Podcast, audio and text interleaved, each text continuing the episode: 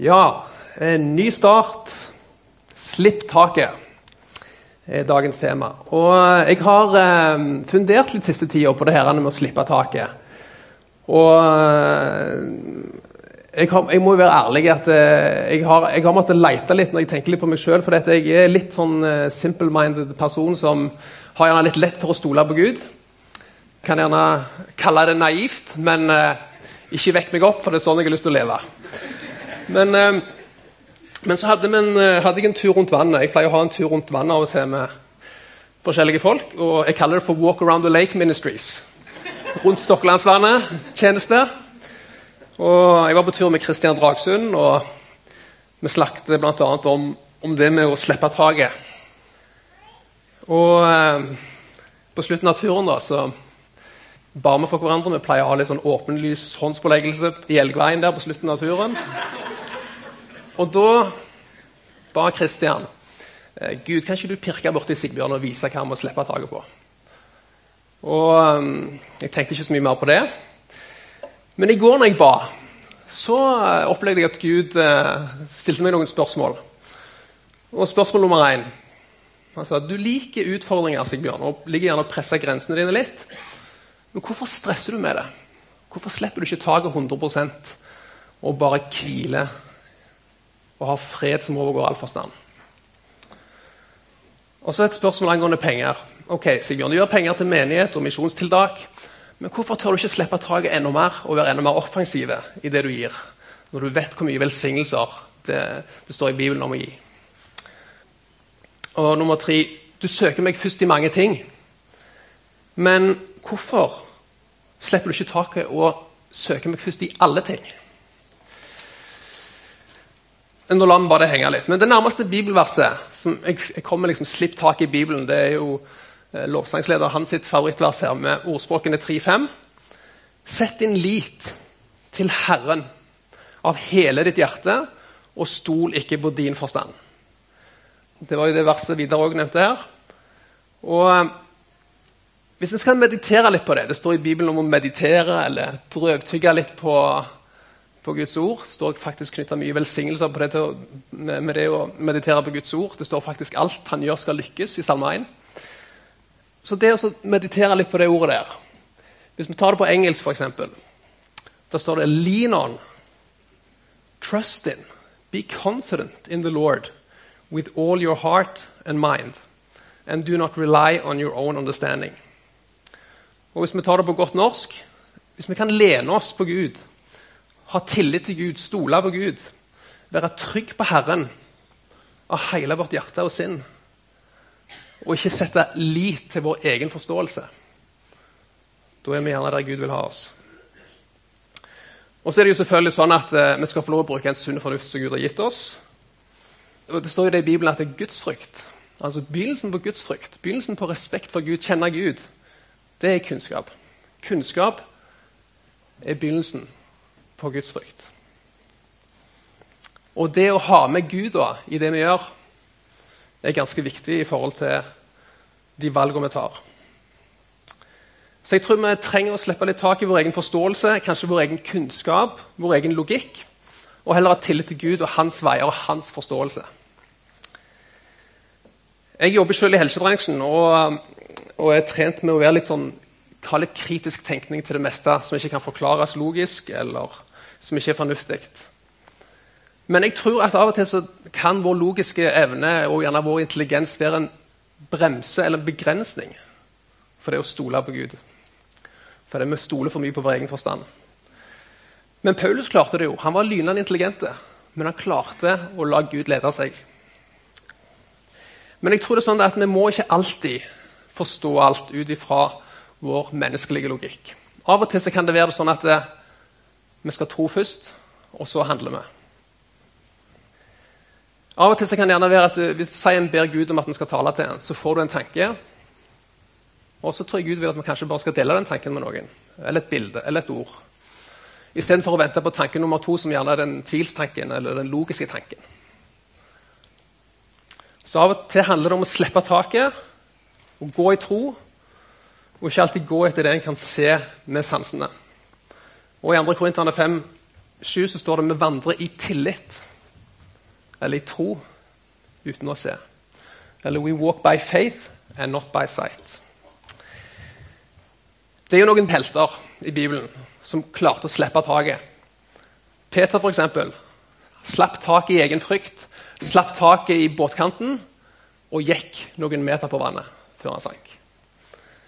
Abraham slapp taket i egen logikk. Når det står at, i Bibelen at kroppen hans var så godt som død, så sier Gud likevel du skal ha en sønn. Det står at alt menneskelig håp var ute, men han satte sin lit til Gud.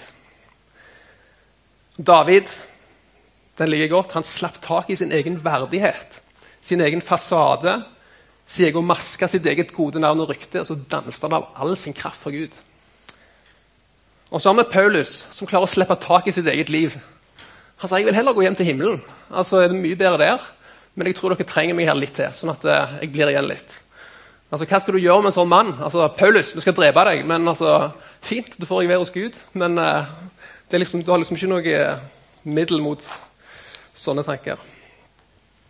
Så jeg tror vi trenger å gi slipp på alt som med bekymringer å gjøre, og stole på Gud. Bekymringer kan gjøre deg veldig travel, men det tar deg ingensteds. Worry keeps you busy, but it takes you nowhere. Og så tror jeg det er viktig for oss at vi slipper taket på vantro. Og Det har vi dessverre en del av oss rundt i dette landet. her. Og det står i Bibelen Når Jesus kom til sitt eget hjemsted, så var det så mye vantro at han, Gud sjøl, kunne ikke gjøre så mye tegn og mirakler. Og Fariseerne som så Jesus live, de klarte ikke å gi slipp på egen tradisjon, egen vantro, og se at Gud var i aksjon. Jeg tror vi trenger å slippe taket i det å hele veien prøve å få bekreftelse fra andre. Vi er faktisk bekreftet av Gud. Vi elsker Gud. Vi har vår identitet i Gud. Vi trenger ikke nødvendigvis gjøre noe for å bli noe. I Guds rike handler det om å være først og fremst. Være Guds barn, være den han har kalt oss til å være. Så jeg tror vi trenger å sette til side egen kunnskap, logikk, vantro, bekymringer, ønske om bekreftelse, og så bare tenke at høyeste, det høyeste nivået av tillit det er å sette seg ned og hvile hos Gud. Så sett din lit til Herren av hele ditt hjerte, og stol ikke på din forstand. Så har jeg lyst til å si noen ord om tilgivelse. Eller ja, det å slippe taket på utilgivelse. Ikke holde på utilgivelse. Og Dessverre så har vi opplevd en del folk rundt oss som gjerne sier at det, vet du hva, det han gjorde mot meg denne gangen, det klarer jeg aldri å tilgi. Jeg skal komme litt tilbake til det, men i Efeserne 4, 26, som Oddbjørn leste, så står det 'Blir dere sinte?' Eller i en oversettelse står det 'Bli sint'. Ergo vi kan bli sinte. Kanskje er det av og til en plikt å bli sint òg på det onde. Men synd ikke. La ikke solen gå ned over deres vrede. Og Så er jo kanskje spørsmålet hvor mange solnedganger må til før vi kan slippe taket i urett som er gjort mot oss? og tilgi, sånn at vi sjøl kan bli satt fri. Gi ikke djevelen rom, står det videre. Og Det kan òg oversettes som 'gi ikke djevelen en arena'. Gi han ikke gode forhold å jobbe i. Og Djevel kan oversettes med en som er løgner, en som har sveket deg, en som har såra deg. Og jeg tenker Hvis du putter inn navnet på noen som har såra deg, istedenfor der det står djevel, da får vi, får vi det verset om igjen. Blir dere sinte, eller bli sint, men synd ikke. La ikke solen gå ned over deres vrede. Gi ikke prikk, prikk, prikk rom.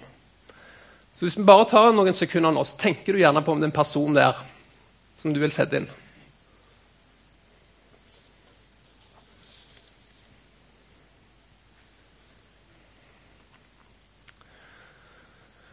Og etter du har puttet inn navnet på den personen, så spør deg sjøl det spørsmålet. Vil du gi den personen plass til å ødelegge din framtid?